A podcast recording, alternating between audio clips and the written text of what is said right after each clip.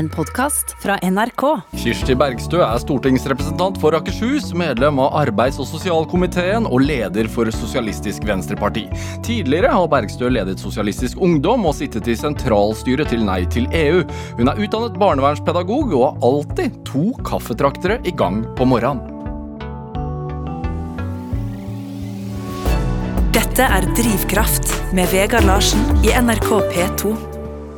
Kirsti Bergstø, velkommen til Drivkraft. Tusen, tusen takk. Hvordan har du det? Jeg har det utrolig fint. Kaffekopp i handa. Ja, Hva Er det kopp nummer 14 i dag? eller? Eh, Det er i hvert fall nummer tre.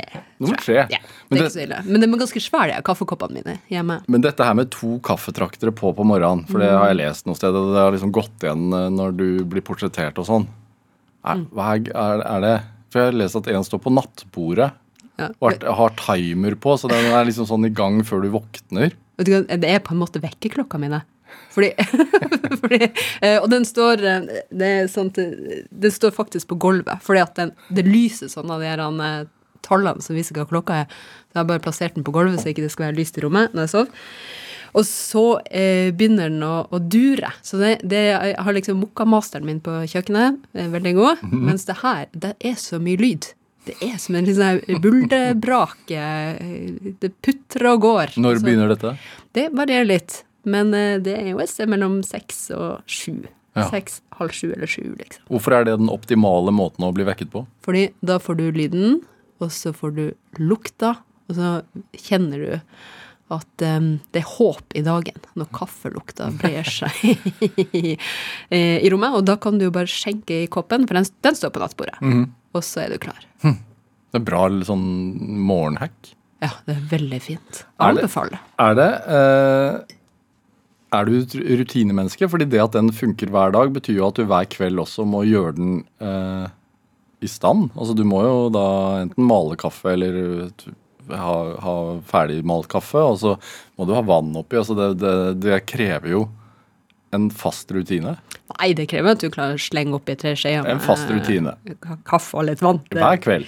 Ja, men det er jo ikke på samme tidspunkt. og Sånt. Det, er ikke, det er jo ikke alltid eh, Jeg bruker jo å gjøre klar kaffetrakteren på kjøkkenet òg. Ja. ja, for da kan du bare trykke på Ren kjøkkenbenk før du legger deg, eller? Nei, det er mer sjeldent. Ja. Men uh, kaffetrakteren er fremme. Men liker du, er, liker du rutiner? Em, altså Det spørs jo litt hva man mener med rutiner. Fordi jeg har jo liksom I uka mi så har jeg jo faste møtepunkt og sånt. Mhm. Noen dager skjer det, og noen dager skjer det. Tirsdag er vi på den fritidsaktiviteten, eh, jeg og barnet mitt og sånt. Mm. Men, eh, og det liker man jo, fordi man liker jo det som eh, er innholdet i de, i de på en måte faste gjøremålene. Mhm. Men jeg tror ikke at jeg er sånn som er avhengig av rutiner for å ha et godt liv. Nei. Nei. Kanskje tvert imot, egentlig. Ja, Hvis det er kaos, da? Hvordan har du det da? Det spørs jo hvordan kaos. Hvis det er kaos på kjøkkenbenken, så er det ikke sikkert at jeg registrerer det. Men hvis det er kaos på den måten at jeg eh, ikke har ordna barnevakt for en viktig debatt, eller eh, eh, ting er ikke klart før jeg skal gjøre noe eh, helt eh, avgjørende, da, da er det jo en sånn type kaos som er litt urolig innvendig. Mhm. Bor på Nittedal? Jeg bor i Nittedal, ja. Ja. Pendler, da? Ja, men eh, det er jo ikke så langt. Eh, det, eller, det er, jo, det er jo et stykke. Men eh, det er jo Det kan være fint, det, å reise med buss på morgenen inn til Stortinget og få bladd gjennom avisene og gjort seg klar for dagen der. Ja. Hver dag, eller har du leilighet her også? Nei, jeg, jeg har ikke pendlerleilighet. Nei. Nei. Så du kjører tu- tur-retur hver dag? Ja, men det, det er ikke så langt. Eh, Det går fint. Jeg husker jeg jeg er fra Finnmark, jeg er vant til avstander. Hvordan er en arbeidsdag for deg? Eh, ja, jeg skulle ønske det var en dag, men det er jo ikke det, for det strekker seg jo utover. Um, men en vanlig eh, dag den starter med å få litt sånn oversikt over nyhetsbildet, og så har man noen møtepunkter på starten, og så eh, Jo, men Det starter jo hjemme først. Ja. Har du da, får du da uh, Tikker det inn meldinger og sånn allerede på morgenen? Som kan være um, det kan være hva som helst. Det kan være forespørsler om intervjuer, eller um, ting som skjer i løpet av dagen, som man må forberede seg på, den type ting. Mm. Um, så, um, så det vet man jo aldri. Dagene er jo litt uforutsigbare. Er det mer uforutsigbart som leder enn som nestleder? Uh, både og, egentlig. Det som eh, kanskje er den største forskjellen, er at det er det er andre som ordner opp når noe går, ikke går etter planen. da. Um, fordi det rekker man ikke alltid sjøl når Nei. det er så tette dager. Altså du har et større team? Gjør det i hvert fall noe som ja, det hjelper, hjelper til å få det til å gå. Få forberedelsene på stell og sånt. Ja. Mm. Er det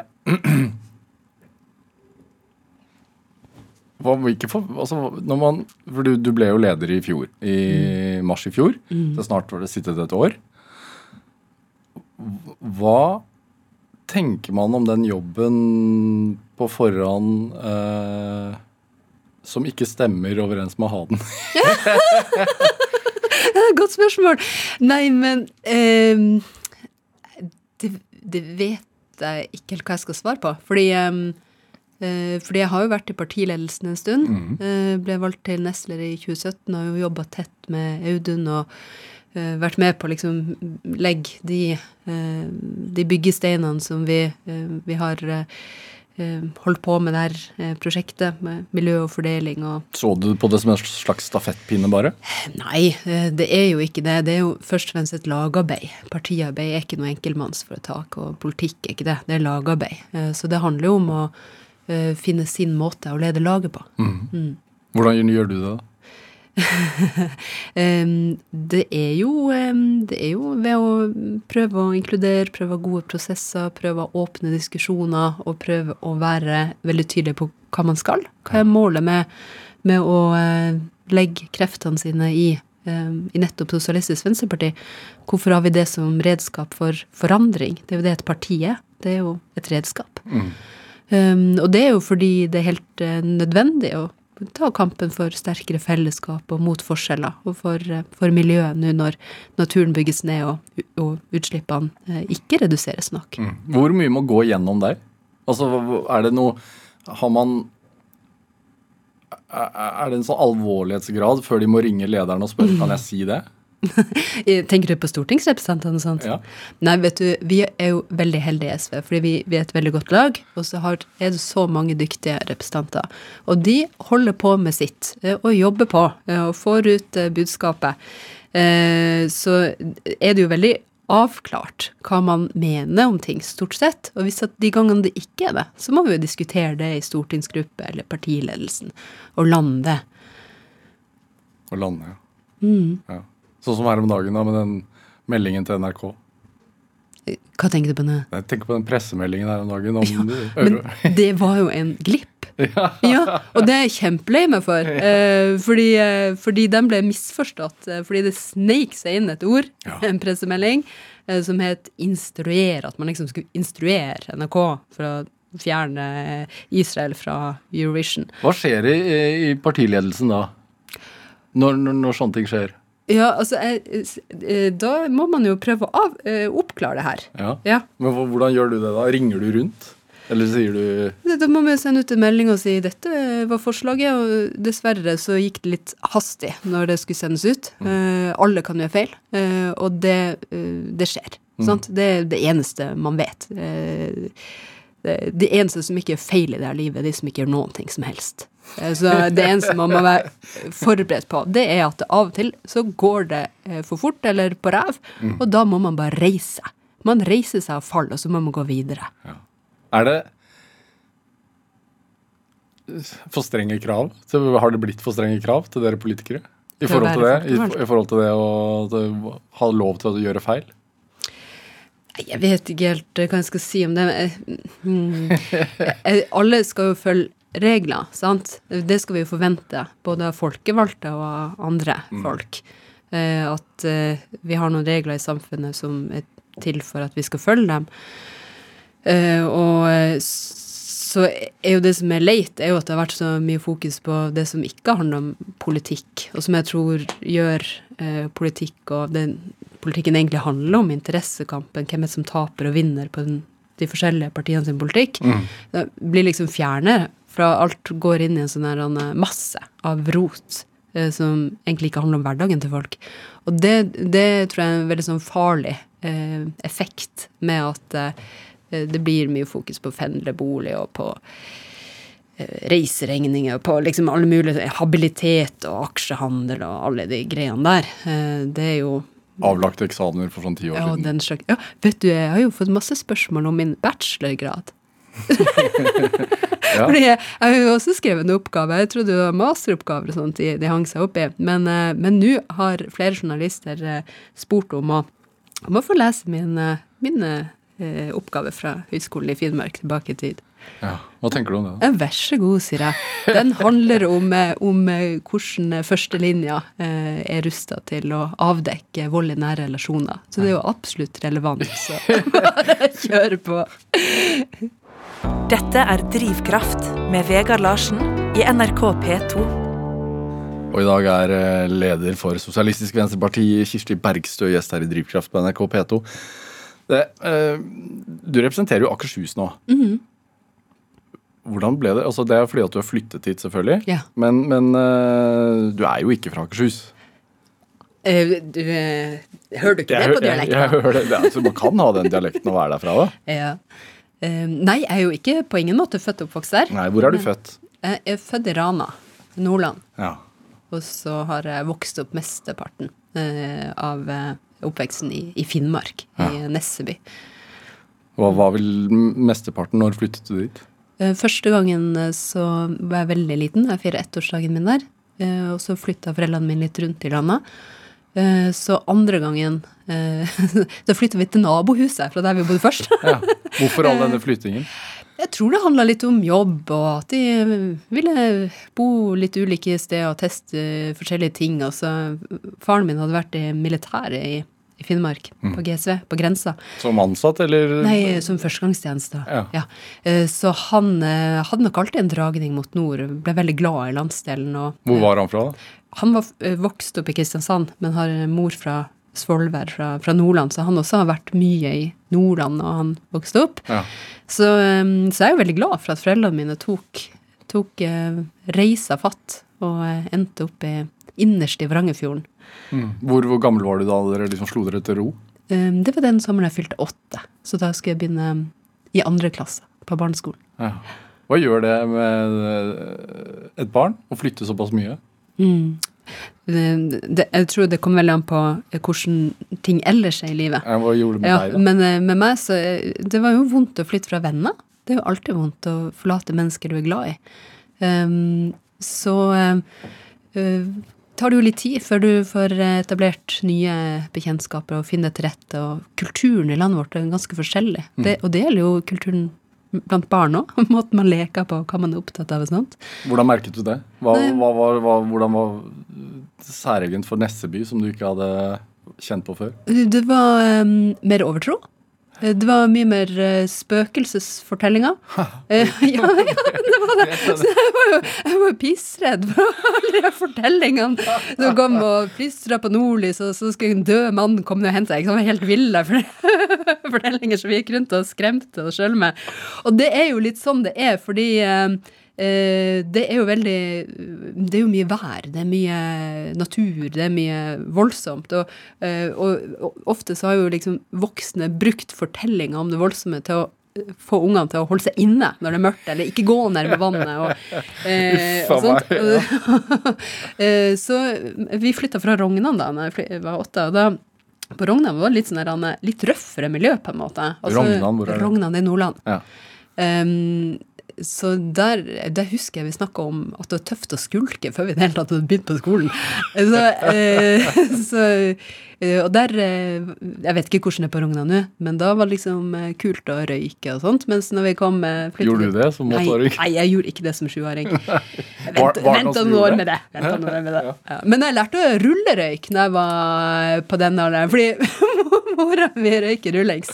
Og du vet om Før i tida så hadde man sånn, et eget eh, møblement for Røykesofaen eller for røykesofaen? telefon. Ja, ja, Når man hadde fasttelefon, så satt man jo i gangen igjen på den her eh, sånn benk, og så var du fast i en ledning, og da brukte hun å kaste tobakkspakken bort bort til meg og si 'Kirsti, rull røyk til meg'. Og så da lærte jeg jo meg å røyke, rulle røyk da når jeg var sånn der mellom seks og åtte år en gang, så det er jeg ganske god på.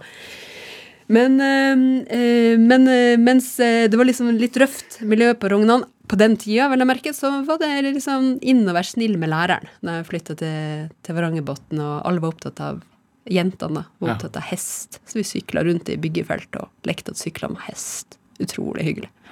Mye ute. mye ute. Og mine foreldre de var så redde for at vi skulle henge i sentrum da jeg vokste opp. Og jeg vet ikke helt om alle som hører på, har vært i Nesseby, men det er jo under 1000 innbyggere. Er veldig, man er veldig privilegert når man kommer derfra. Det, det er liksom ikke mange som har den muligheten. Så der har du en bensinstasjon, vi hadde kiosk på den tida, kafé. Eh, og det verste vi kunne gjøre, var liksom henge på den kafeen. Det vi gjorde, det var å hoppe fra isflak til isflak. Og, og, og balansere på gelendere på bruene.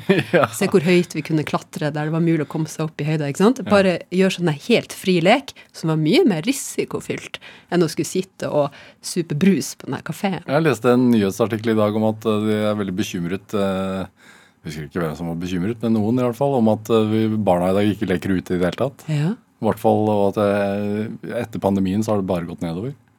Sier du det? Ja. At det har blitt verre? Ja. Mer inne og mer eh, skjerm, kanskje? Ja, Hva tenker du, hva, hva, hva har du med deg av verdier siden du hoppet på isflak som barn? og lærte å rulle rullings? Nei, altså, nei, eh, jeg tenker jo ofte at man eh, ikke trenger å eh, utsette ungene for akkurat det samme som man sjøl har gjort. Verken i, i barndom eller i, i hvert fall ikke ungdomsåra. Men, eh, men det å eh, kaste dem ut, det tror jeg på. Eh, sånn rent ut og leke. Eh, fordi det er så fint, den frie leken man kan ha ute. Hvordan gjør du det selv som mor? Eh, nei, da sier jeg 'nå er det ut'. Ut, ut, ut. Av med skjerm, ut og Ja. leke. Og så liker jeg å leke sjøl, da. Så jeg syns det er kjempeartig når vi er ute på aketur eller bygger snømann og sånt. Mm. Det er jo det. det er jo, man blir jo aldri stor nok Det til å ikke leke. Det med mm, foreldrerollen, altså fordi Lysbakken gikk jo av Eller da han eh, trakk seg som leder, så, eller sa han skulle eh, slutte å være leder i SV, så så begrunnet han det jo bl.a. med det at han hadde et, en liten baby, eller en toåring eller noe sånt, hvor gammel han var da, og, og to også andre Ja, han er skokk. Ja, han er skokk, og at han ville være mer eh, sammen med barna. Hvordan uh, har det vært for deg? I, i forhold til, altså Du har vært nestleder lenge, og nå er du leder. Hvordan funker det? Altså, er det er det en heldig kombinasjon? Også for Jeg merker det, jeg har to barn, to barn selv, eh, og jeg er veldig glad for at jeg har en sånn typisk 9-4-jobb. Nei, altså livet er jo på mange måter en runddans i utilstrekkelighet. Eh, og det kjenner man jo på innimellom. Ja. Eh, og det, og det er jo én ting å ha barn, men jeg er jo, eh, jeg er jo alene. Så jeg fikk jo barnet mitt i, i 2013. Eh, og da eh, Det er jo et eksempel på at det beste og verste i livet sjelden lar seg planlegge fullt ut. Fordi da var jeg stortingskandidat og eh, hadde bekkenløsning og vagga rundt i, i Finnmark da. Eh, og fikk eh, barn eh, en måned før valget. Og jeg lover, det å drive valgkamp i barsel, det er ikke noe du planlegger for. Og det var total utmattelse, og ikke nødvendigvis gledestårer den natta jeg ble valgt inn på Stortinget for første gang. For det var ganske krevende. Og så har vi jo levd det livet, da, jeg og guttungen. Um, og det er jo veldig uh, fint å være en sånn enhet som man blir når man er to tette i lag. Um, og da må man jo gjøre ting som er bra for begge, og samfunnet. Mm. Så da kan man jo kombinere partireiser med lekeplasser, eller å besøke folk som har barn, og, um, og på en måte innrette seg på det viset. Mm. Så han var mye mer i starten. Ja, eller frem til han begynte på skolen, da. Fordi da, da må man jo være litt mer sånn stedbundet og kan ikke reke rundt like mye. Så- for han var veldig ofte med på reiser når han gikk i barnehagen. Det er en veldig fleksibel tid. Gir det også en selvtillit? Fordi jeg tenker hvis man klarer å kombinere det, så må man jo også tenke sånn ja, kast utfordringer på meg, jeg får det til. Ja, ja, men man får jo til det mest hvis man bretter opp ermene og kikker fremover, så får man jo til. Ja. Og så er jo uh, unger fine mennesker eh, å, å ha som følgesvenner. Og ungen min har veldig ofte vært med. Han har vokst opp på, på eh, vært med i Dagsnytt 18 og ikke inn i studio, men eh, Og det ikke alle vet, at utenfor studio der så er det en bolle med twist yep. som alltid fylles opp. Og da var det alltid spennende å se ok, så fyller jeg den bollen nå, og så kommer jeg ut. Og da gjenstår det å se hva som er igjen. Ja. Så, um, så um, det, det går jo eh, fint, selv om jeg skal innrømme at det kan være litt krevende eh, til tider. Fordi det er jo vanskelig å det er jo vanskelig å eh, gjøre en helhjerta jobb hvis man ikke har hjertet helt med seg. Og hvis det ikke får nok tid med barnet mitt og vært ordentlig til stede for han, hvis typ telefonene ringer eller masse svar ut på den tida vi har i lag, da, da syns jeg det er litt pyton. Det må brette opp erma og bare trå til. Hvor, hvor har du det fra? Jeg tror ikke det, det egentlig ligger ganske dypt i oss som mennesker. Vi har jo, vi har jo, vi har jo klart det helt utrolige ting opp gjennom vår, historie. Ja. Ja. Hva, men har du fått ja, men det ingenting høre det i oppveksten? Altså, har det vært en sånn eh, arbeidsmoral hjemme hos dere? Det, det, har det jo vært, og jeg har jo alltid jobba sjøl. Altså, jeg var dagmamma for tre unger den sommeren jeg fylte elleve. Og jeg begynte å jobbe, vaska hjemme hos folk og jobba på bygdekinoen i fem år eh, frem til jeg fylte 18. ikke sant? Det er så, jeg har alltid jobba og stått på. Eh, Passa unger og sånt. Men Eh, men, men mormora mi eller Ja. Jo, men man må jo ha penger. Ja. dem, dem gror nå ikke på trær. Man må jo, man må, jo- men mormora mi hun hadde ti unger. Ja. Tenk. Og det var en tid uten eh, oppvaskmaskin, uten vaskemaskin. Og eh, gubben hennes hjalp jo slettes ikke til. Familien hennes kalte han for den ellevte ungen. Eh, så, så, og når du har sett sånne kvinnfolk på nært hold, da skjønner du at du klarer det. Ja. Du klarer det her, Kirsti. Og det, det har gitt eh, meg mye, og gjort noe med meg å se det ganske tøffe livet de generasjonene over oss har hatt. altså. Er vi litt bortskjemt i dag? På mange måter er vi det, men jeg tror også at vi dreies i veldig mange flere retninger. At vi har helt sånne eh, ville ideer om hva vi skal være. Ikke sant? Vi skal ikke bare klare jobben vår og være der for våre nære og kjære. Vi skal jo liksom holde på med de villeste ting og være pen og alt det der. Så jeg tror folk har veldig høye krav til mange flere sider av seg sjøl og av livet sitt. Hvor kommer det fra, tror du? Jeg tror mye ut av det kommer fra kommersielle interesser. jeg tror det. Ja. At det er eh, Det er jo veldig mange som vil selge produkter som får oss til å føle oss mer vellykka som mennesker. Og hvis man klarer å røre på de der usikkerhetspunktene i oss som, som vi nok alle har, så er det veldig store penger å tjene. Ja. Mm. Hva kan få deg til å føle deg usikker, da? Å, det, kan, det er jo ganske mye. Ja. Eh, jeg kan eh, bli usikker hvis ikke jeg forstår kroppsspråket til noen. Ja, Hvis du ikke klarer å lese et menneske og hva de, eh, hva de mener, da, da må man jo eh, forstå situasjonen man er i. Um, ja. For er det Når du er i en politisk debatt, f.eks., Mm. er, det- er kroppsspråkslesning en del av det? Nei, det er en helt annen situasjon. Jeg er Ja. veldig sjelden usikker i de situasjonene. Det jeg kan bli usikker på da, det, det er trik, triksing med tall. Hvis folk bare kaster tall rundt seg. ikke sant? Og, da, og da, Det eneste trøsten er at det er jo ingen som ser på, som i hvert fall får med seg noen ting ut av tallkranglinga. Men det, det, det syns jeg er en sånn usikkerhetssituasjon. Eller hvis noen skal teste det på fakta. Ikke sant? Ikke, ikke dybden i det man diskuterer, eller retninga man skal, eh, rent politisk, men liksom at det blir en sånn nesten eksamenssituasjon. Da kjenner jeg på jernteppet rulles ned, altså. det er sant. Er det, men hva med eget kroppsspråk, da? Når man skal Mm. altså fremføre da, på direkten, f.eks. Mm, Ja, det burde jeg sikkert tenkt mer over enn jeg gjør. Gjør, ikke- gjør man ikke det? Går man, er det ikke noe skole på det? Har man ikke en stå sånn og sånn? man må jo øve seg litt og gå gjennom argumenter, men for å være helt ærlig så er ofte tida så tett at jeg, øh, øh, man kanskje får lest gjennom hovedpunktene av det man skal diskutere i, på T-banen eller øh, bilen på vei bort. For å være helt ærlig, så jeg, jeg skulle ønske det var sånn som på film, at du har liksom en sånn svær team som står rundt deg sånn. Ja, så kan du se litt uh, der og pep, preppe liksom på det viset. Nei, livet, det renner av gårde, og så må man henge med og stake ut kursen sjøl. Hermstad, altså Miljøpartiets leder, eh, var her på mandag, og han fortalte at etter at han blir leder, så har han eh, kanskje ubevisst eller bevisst begynte å bry seg mer om hvordan han ser ut på håret. Og at han ikke kan Flekker på skjorta og sånn har han blitt mer eh, bevisst på. Fordi at han syns det er pinlig å ha det på bilder. Ja. Ja. Har, har du noe sånn?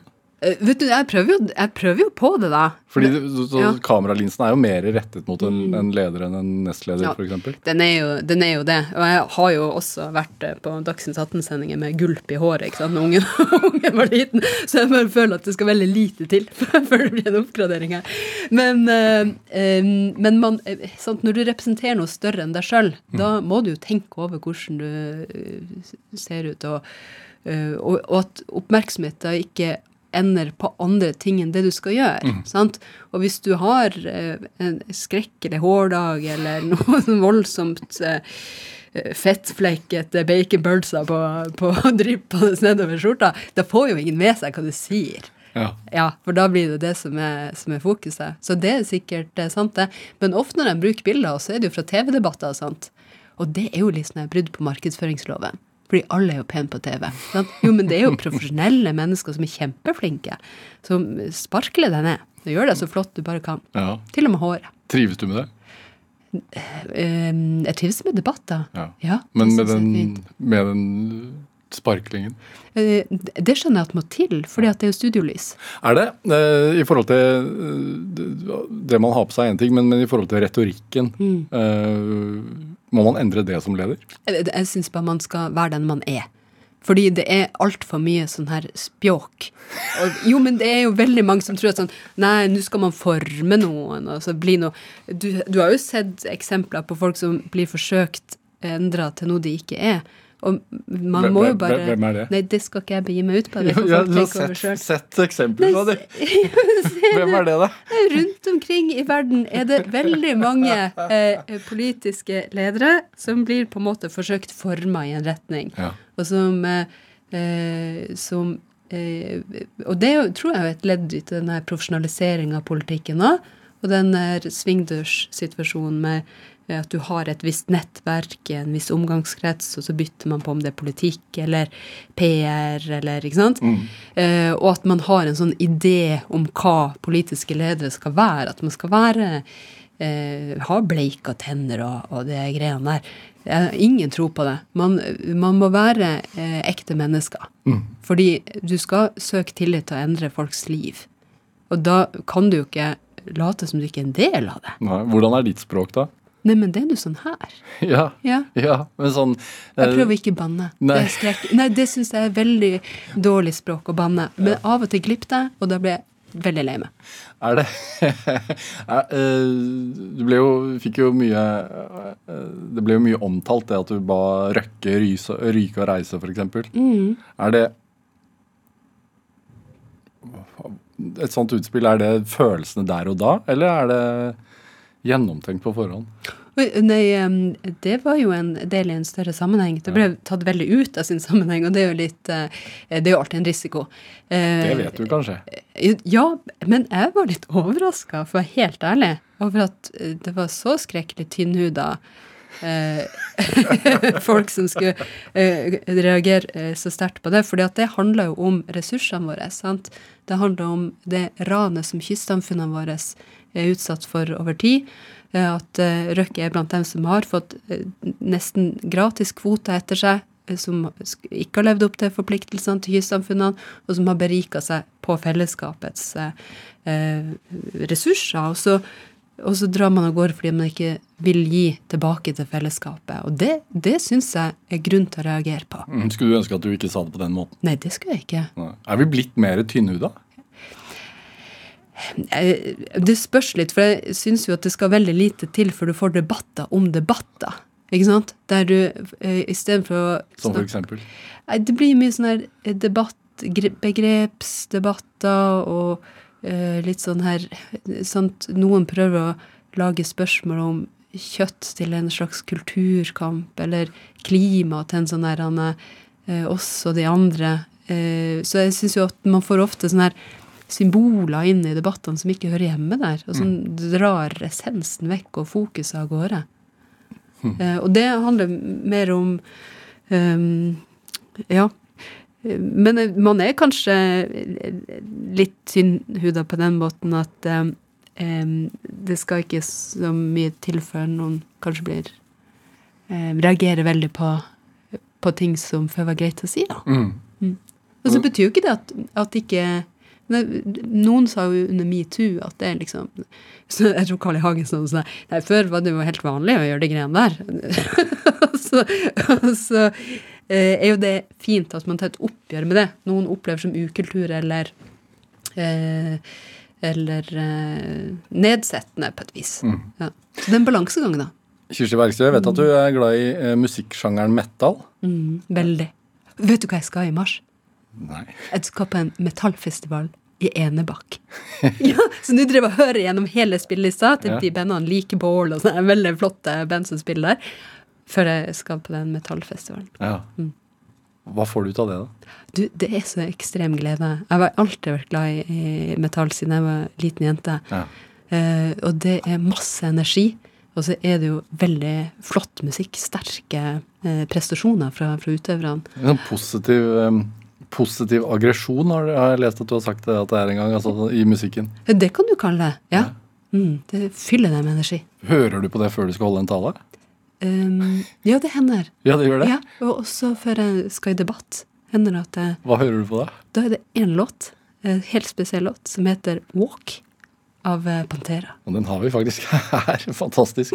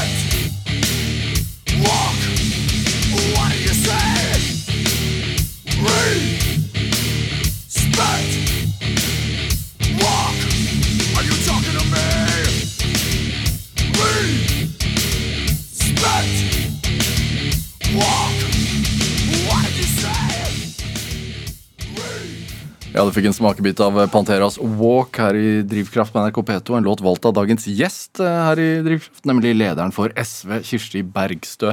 Jeg liker å se for meg deg utenfor Dagsnytt 18-studio og sitte og høre på den før du liksom går inn og skal debattere med Sylvi Listhaug. sånn. Nei, det er kraft i den, da. Ja, det er det. Ja. Du kjenner energien. Ja, absolutt. Eh, men men eh, litt tilbake til Nesseby. Altså, moren og faren din, hva jobbet de med da du kom til verden? Da jeg kom til verden Eller da dere bodde der? Eh, min, far han var ingeniør av virke, så han uh, jobba i kommunen. Mm. og da er det sånn eh, eh, at siden Nesbyk er en veldig stor kommune, så har man jo ofte eh, ganske breie tjenester, for å si det sånn. Så når du leder teknisk etat, så er du også brannsjef og var i brannkorpset. Eh, mens eh, min mor, eh, hun eh, Så hvis det brant, så måtte han ut? Ja. Ja. Ja, så det var veldig vanlig det, at han hadde brannvakt på jul, nyttår, Ja. sommer. Sommeren var det alltid en og annen som bare skulle brenne litt brått, altså. det visste jo fort kontrollen på det, vet du. Eh, Så, så jeg, og det har jeg fått altså i meg, at jeg har sånn her, han er veldig opptatt av brannsikkerhet. Fordi faren min alltid sant, Det ligger jo i deg når du jobber med, med å hindre brann og slukke branner. Så, eh, så mor mi hun eh, har jobba med litt sånn forskjellige ting. Hun har vært litt sånn vikar i helsevesenet opp igjennom, men hun har eh, ikke eh, utdanning etter det som eh, var obligatorisk eh, skolegang på sin tid. Så eh, de siste årene så har hun jobba, før hun slutta å jobbe, eh, med sånn på økonomiavdelinga i kommunen. Mm. Ja. Hva annet enn brannsikkerhet har du fått med deg hjemmefra? Kjærlighet. Ja, uendelig. Vi har aldri hatt masse ting. Sant? Vi har stort sett bodd i kommunal bolig. Um, mine foreldre kjøpte den kommunale boligen etter hvert. Uh, vi hadde aldri parabol eller, eller kabel-TV eller eh, videoboks eller TV-spill og sånt. Vi uh, spleisa på en brukt data når jeg og broren min var litt eldre. Men vi har alltid hatt en ekstrem rikdom i kjærlighet i familien. Ja. Mm. Og ikke midler?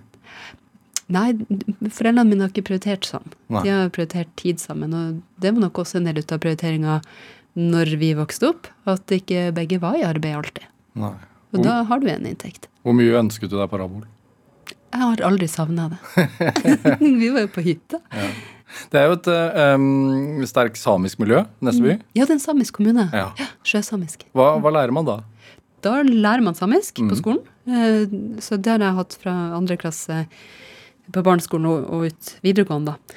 Som ikke er på samme sted, men, men det um, har man muligheten til. Eh, og så lærer man eh, Da jeg gikk på ungdomsskolen, så pussa vi opp en båt. Um, og eh, da vi var på barneskolen, så var jeg i, i reingjerdet eh, og eh, fikk med oss eh, merking og slakting av rein. Mhm. Og også lære å lage maten. Eh, altså mat, Det som er fantastisk med rein, er at du bruker absolutt hele dyret. Alt kan du lage mat av. Mm. Eh, eller brukes til noen ting. sant? Skinn er jo til klær, og tarmene til pølseskinn, og eh, blodmat og sånt. Eh, så det, sånne ting lærer man jo. Mm. Mm. Og så lærer man jo verdien av mangfold. Eh, for en utrolig berikelse det er. Mm. Vi så på Samefolkets dag eh, med kofte på, f.eks. Mm, nydelig kofte fra Nesseby, Ja. ja. som jeg har fått i gave av vennene mine der. Er det den politiske oppvåkningen din? Mhm. Hva skyldes den? Det er jo sikkert sammensatt. Eh, Barn har jo en veldig sterk sånn rettferdighetsfølelse og, eh, og sånt, så jeg husker da jeg var liten, så eh, prøv, brukte å liksom loke rundt i nabolaget med en sånn svær lastebil og plukke søppel og ville ta vare på naturen og sånt. Blekkulf? ja, ja, sånn blekkulf. Ja, bruk hodet. Vi har bare én klode, altså. Utrolig fint. Uh, så eh, så er det jo noen ting som gjør at du kaster deg mer inn i politikken, og jeg tror nok det som har forma meg mest, eh, og det som har gjort at jeg ble sosialist, det var når min far var sjuk. For han, eh, når jeg gikk på ungdomsskolen, så, så ble han skrekkelig sjuk. Han eh, fikk kreft. kreft. Hva slags kreft? Det var i magen. Eh, mm. Så det var eh, veldig vanskelig tid. Og på den tida så sant, Når du bor i distriktene, da er det ofte langt til sykehus. Eh, Hvor langt snakker vi? Det er ikke lenger enn tolv mil til nærmeste, som er Kirkenes, men han måtte jo også en del i Tromsø. Mm. Så eh, på den tida så var den lokale sykestua i Nesseby, den var foreslått lagt ned. Og det var den som gjorde at han kunne få en del ut av sånn sånn sårstell og næring og medisinhjelp og sånt, kunne han få hjemme istedenfor at han måtte på sykehus. Eh, og eh, det betydde veldig mye for oss eh, at den sykestua var der. Så, så For det gjorde jo at han rett og slett kunne ha sin sykdomstid med oss, med familien, istedenfor å være langt bort på, på sykehus. Og da Det var den første liksom, konkrete politiske kampen vi kasta oss ut i. eh, For å bevare den, og for å vise hva den betyr. Eh, For det er en veldig sånn sterk påminner om hvor er det pengene går. Eh, Jo, de går ikke til helsevesenet og tilbudene i små distriktskommuner, de forsvinner helt andre plasser. Og, og hva er det som gjør at man kan, selv om livet kan være på sitt tøffeste, likevel kan få det til å gå rundt og, og ha det så godt som man kan etter forholdene. Så eh, da, eh, da engasjerte vi oss for det, eh, for den sykestua. Og selv om min far tapte kampen mot kreften, så vant vi den kampen for sykestua. Og det var bra. Hvordan foregikk den kampen? Det foregikk jo med å snakke med folk. Det, det som er fint med små samfunn, er at det er veldig nærhet mellom folk. Eh, kommunestyrerepresentanter, eh, ordførere, den typen eh, ting. Men også gjennom media. Og, og belyse rett og slett uh, hva er konsekvensene av å miste tilbudet lokalt. Og det, da er det jo flere som blir gjort oppmerksom på det, og som skjønner at eh, selv om man måtte knipe inn på økonomien, så var det ikke det som var rette plassen å ta det. Mm. Opplivende, sånn altså, Når man opplever noe sånn som er så opprivende eh, Såpass tidlig da, du var 15 år. Mm, ja, det var vel det, ja. ja. Eh, hva tenker man da om veien videre? I livet, tenker du? Ja. Nei, det blir jo veldig mørkt.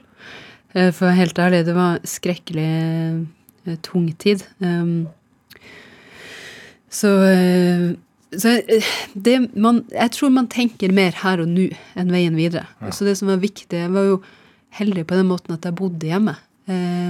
Og at pappaen min, eh, når han ble syk, så ble han veldig åpen. Eh, mange kan bli bitter når de skal dø. Bitter på de som skal leve videre, og for at man sjøl skulle ende der.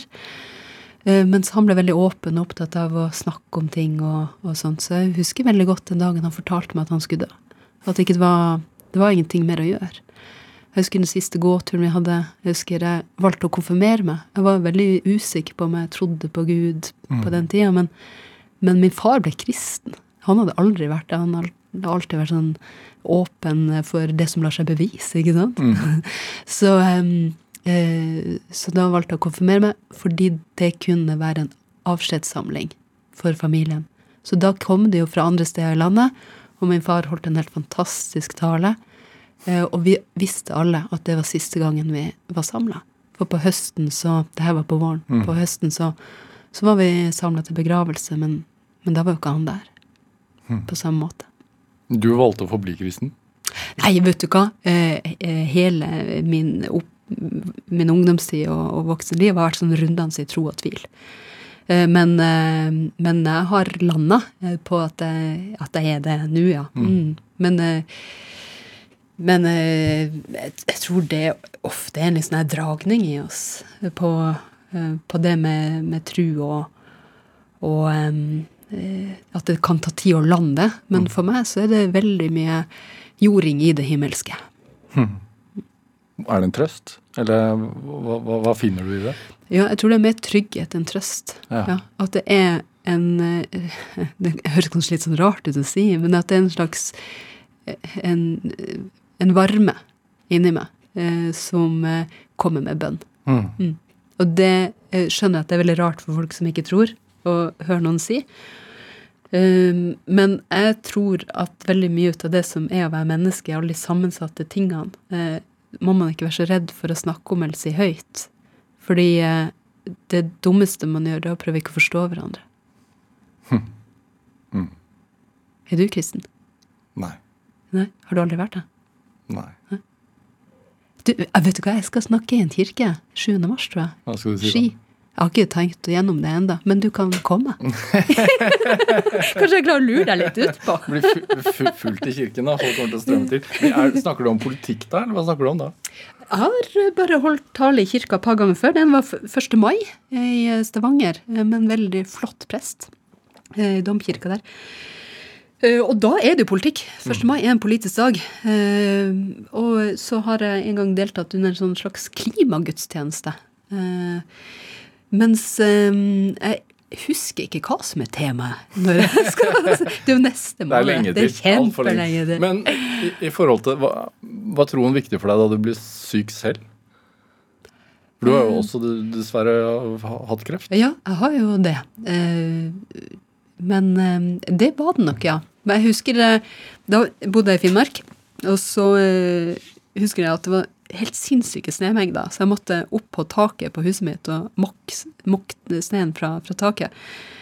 Og da sto jeg, jeg satt jeg oppå det taket og baksa med de forbanna snemengdene og hadde den her usikkerheten rundt liv og helse og kreft uh, inni meg. Og da kikka jeg opp mot himmelen og, uh, og spurte hvorfor.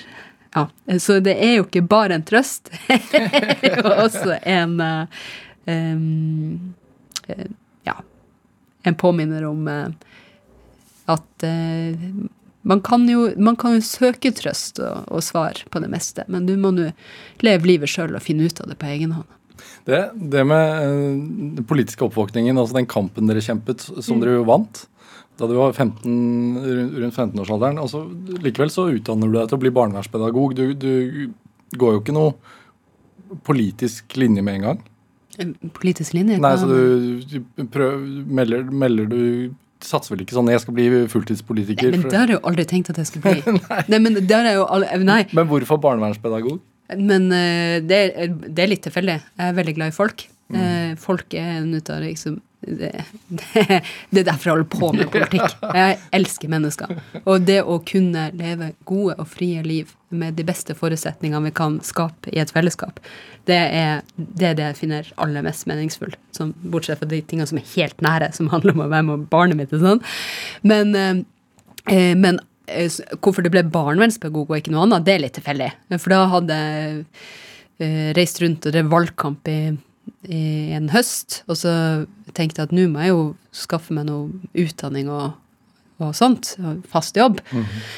Så da eh, kikker jeg på hva som er ledig av restplasser eh, på Høgskolen i Finnmark. Og der var det den, og så var ikke så veldig mange år. Eh, Det var tre år. Ja. Ja. Så da jeg følte at det var overkommelig. Er, det, er du glad for at du har den i ballasten? Ja, og så er jeg også veldig glad for at jeg har hatt den eh, når jeg har jobba. Mm. Fordi det er krevende å jobbe med folk, eh, og da eh, er det jo veldig godt å ha faglighet. Jeg har jobba med mennesker som har vært så fortvila at de har smurt avføring, sin egen avføring opp etter veggene.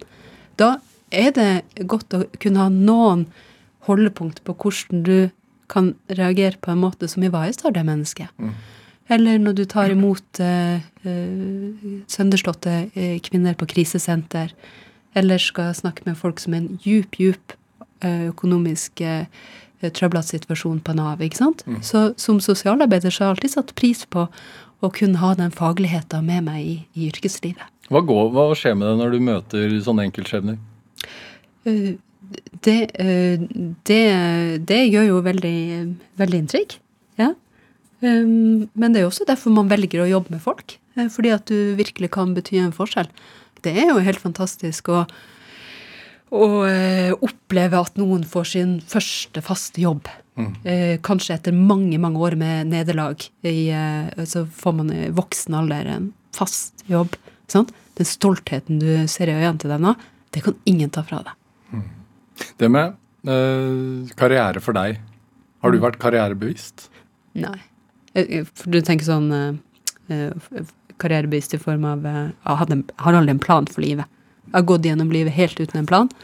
eh, og så har gjort det som har kjentes rett, og som, som jeg har trodd på. Men du har vært leder av SU og Ja, nestleder og jeg har jo det. Og det er jo sånn når man er politisk aktiv og, og sånt og får tillit, eh, så er jo det et utrolig privilegium. Sant? Du er utrolig privilegert når du får tillit eh, i det fellesskapet du kaster kreftene inn i og tror mest på. Eh, og det er jo kjempestort. Og det, det, det skal man aldri ta for gitt. Eh, så det er jo jeg utrolig sånn stolt og ydmyk og takknemlig for. Men det betyr jo ikke at jeg hadde en plan om det fra liksom starten av. Det er jo når de ulike veivalgene i livet eh, kommer foran deg, eh, at man må ta de praten med folk og lytte til omgivelsene og hjertet sitt og, og gjøre det som, som er rett til, til rett tid.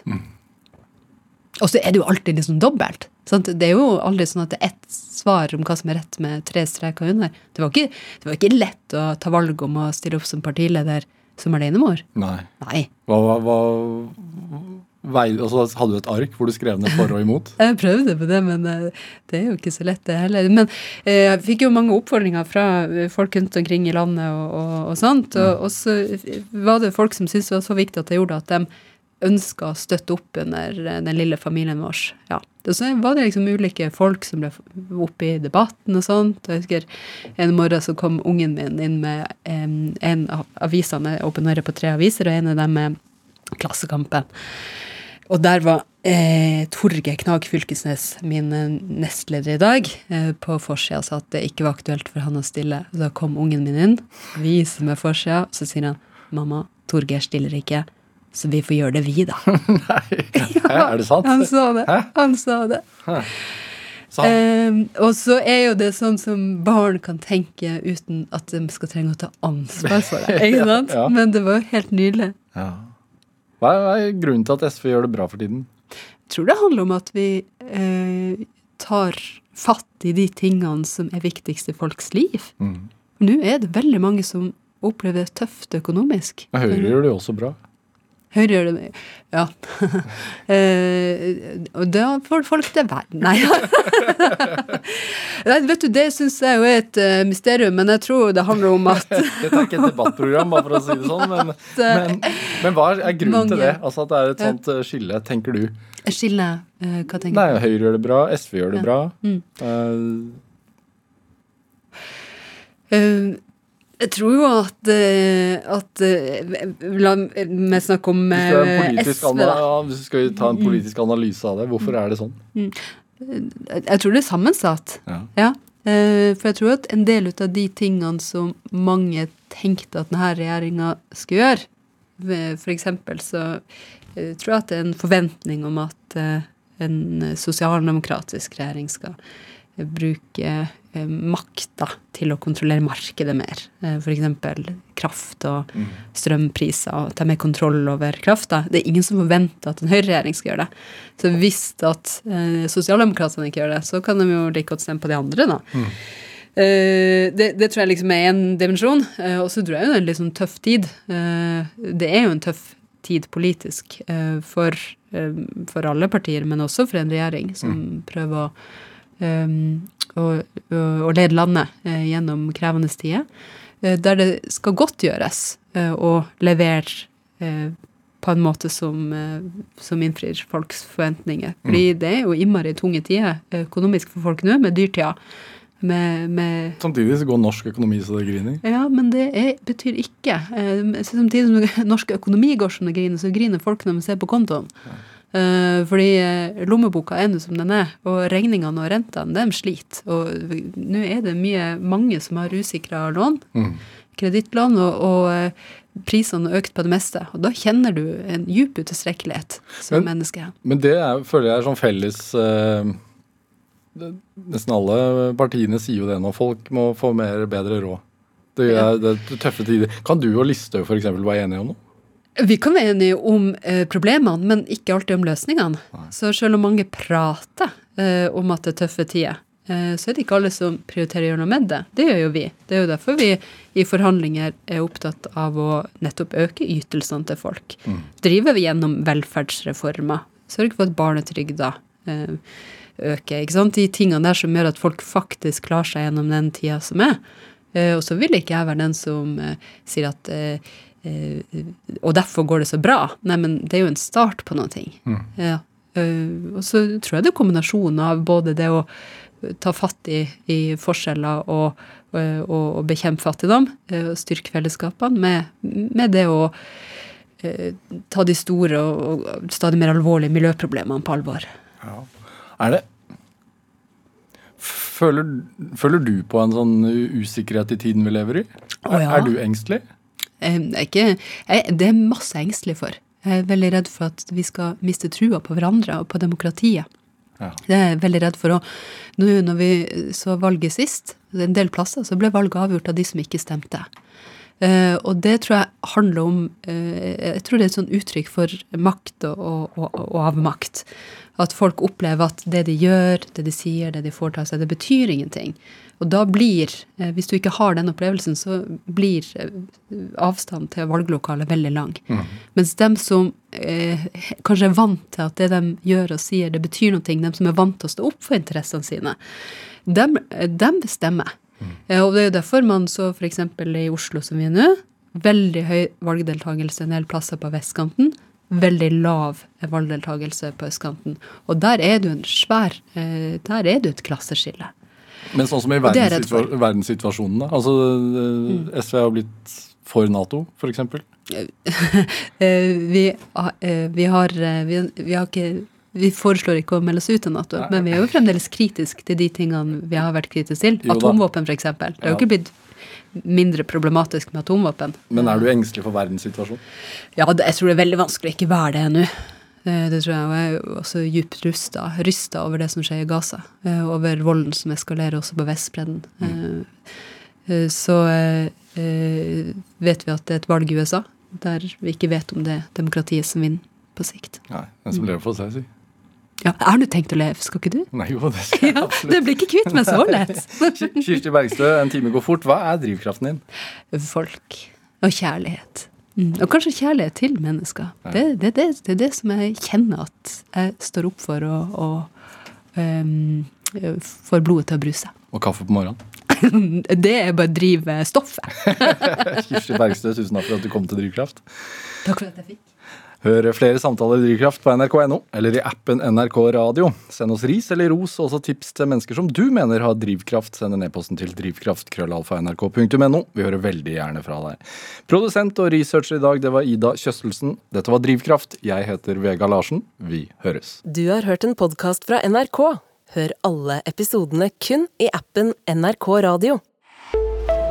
En podkast fra NRK. Denne historien handler om pianisten og komponisten Maria Kandegård. Om musikken hennes, om livet hennes og om hjernen hennes. Plutselig så skjedde det et eller annet. Det var akkurat som at ingenting eksisterte. Hun var det enestående musikalske talentet som bare forsvant da hun var tidlig i 20-åra. Jeg tenkte at hele verden, at det var egentlig bare en drøm. Så jeg var en person i den drømmen. Men det var ikke min drøm. Hør pianisten i appen NRK Radio.